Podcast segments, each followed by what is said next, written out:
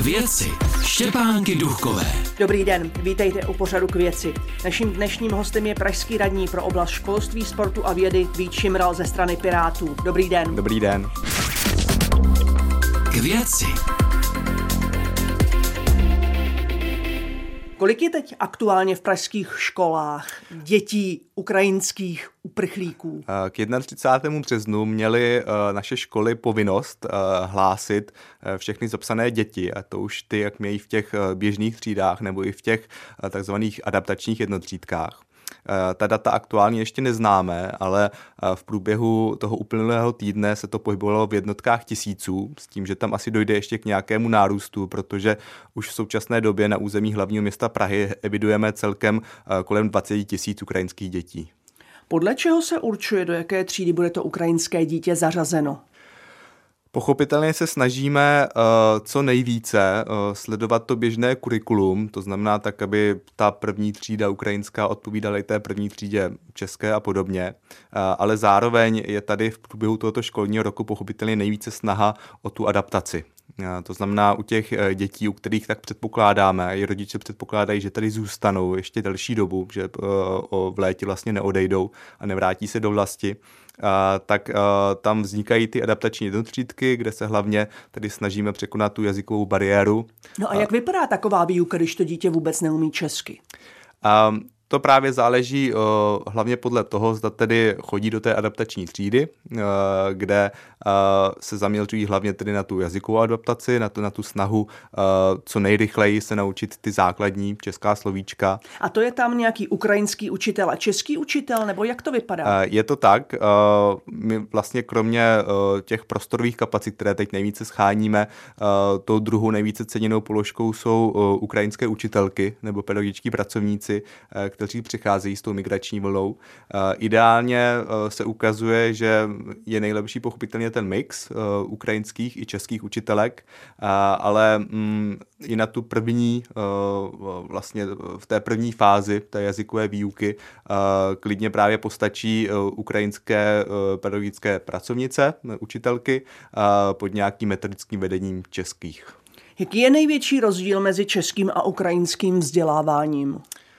Ten rozdíl není nějak úplně zásadní. Eh, když se Ukrajina je pochopitelně chudší země, takže přestože co se týče procent HDP, tak věnuje o něco více než třeba v Česko ehm, z rozpočtu státního na vzdělávání, eh, tak je to chudší země a tím pádem ta kvalita vzdělávání tam není tak vysoká jako u nás díky tomu, že tam třeba chybí materiální podmínky, eh, že učitelé nemají tak relativně vysoké platy, jako nyní mají u nás.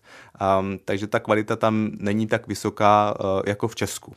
A na druhou stranu se snaží pro, projít reformou, o kterou my se tady snažíme už další dobu.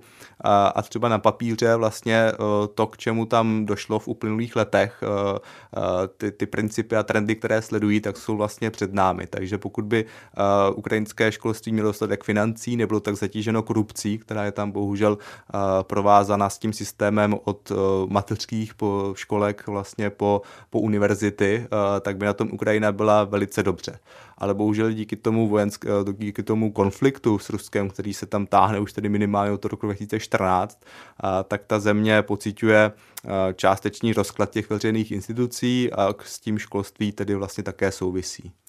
Jak máte podchyceno na magistrátě, aby eh, ve třídách, kam chodí ukrajinské děti a ruské děti dohromady, nedošlo k nějakým třenicím?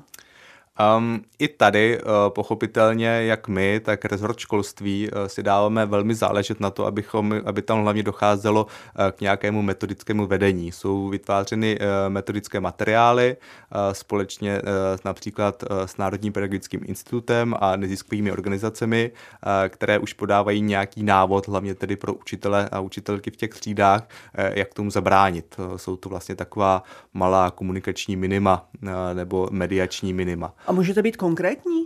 Jak, co, jak to má ten učitel v té třídě říct, když mu tam sedí v jedné lavici ukrajinské dítě a vedle, vedle ruské? A tím hlavním uh, komunikačním vzorcem je to, že ta válka není proti uh, vedená Rusové proti Ukrajincům, ale je to prostě Putinova válka.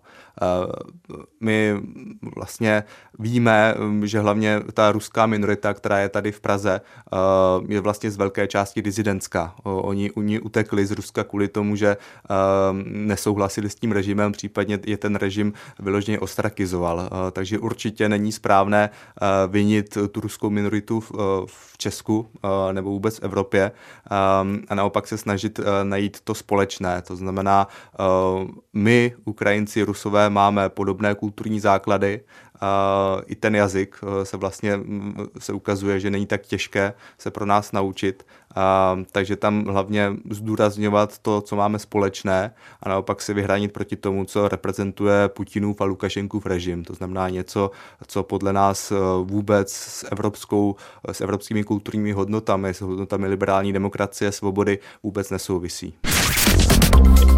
K věci. Naším dnešním hostem je pražský radní pro oblast školství, sportu a vědy Vít Šimral ze strany Pirátů. Pražský magistrát začal s výstavbou venkovních učeben. Jak se tam bude učit? Um... A nebo vůbec, jak si to mám představit? To se vynesou lavice na zahradu? Co se týče venkovních učeben, to už je uh, poměrně dlouhodobější trend, který souvisí s tím, že uh, nejenom v Česku rostou uh, celoroční teploty a dá se vlastně pobývat venku déle. Z toho důvodu my jak u středních, tak u základních škol se snažíme navyšovat kapacity i tak a využívat toho, toho teplejšího počasí, abychom děti dostali ven. Ty venkovní učebny vypadají různě, ale když se podíváme třeba na Uh, některá gymnázia, která využívají své školní zahrady, uh, tak to jsou vlastně velmi jednoduché boudy, uh, kde se ať už dělené třídy nebo i celé třídy, ale většinou je tam něco, něco snížená kapacita. Prostě těch 15 žáků sejde, využijí tu učebnu jako výtvarný ateliér nebo i třeba k výuce jazyků, prostě cokoliv, co nepotřebuje nějaký náročnější materiál typu výuky chemie, protože digestoře třeba tam nejsou. Zároveň ale kromě venkovních učeben my plánujeme vlastně eh, i teď s tou migrační krizí využívat více modulárních typů učeben, eh, tak abychom právě dokázali navýšit kapacity rychle, takže to nebudou takové ty současné venkovní učebny, které jsou skutečně velmi jednoduché, a třeba půjde o nějaké eh, komplexnější dřevostavby, nebo něco, co můžeme nyní najít třeba u mateřské školy v Řeporích, to znamená taková škola, která je původně z nějakého e, typizovaného, unifikovaného kontejneru, ale následně je uspůsobena potřebám té dané školy. Ano a k čemu je to dobré učit se venku v boudě, jak vy říkáte? A, tak my víme, zase to vychází z těch dlouhodobých výzkumů, že um, vlastně ty materiální podmínky, ty samotné prostory uh, vlastně s tou kvalitou samotného vzdělávání tolik nesouvisí. Nejdůležitější se ukazuje uh, vlastně uh, kvalita toho pedagogického sboru. To znamená to, takže, abychom platili takže dlouhodobě je, učitele. Je jedno, jestli sedím v kamenné budově nebo na zahradě v Boudě. A jiný přínos to nemá?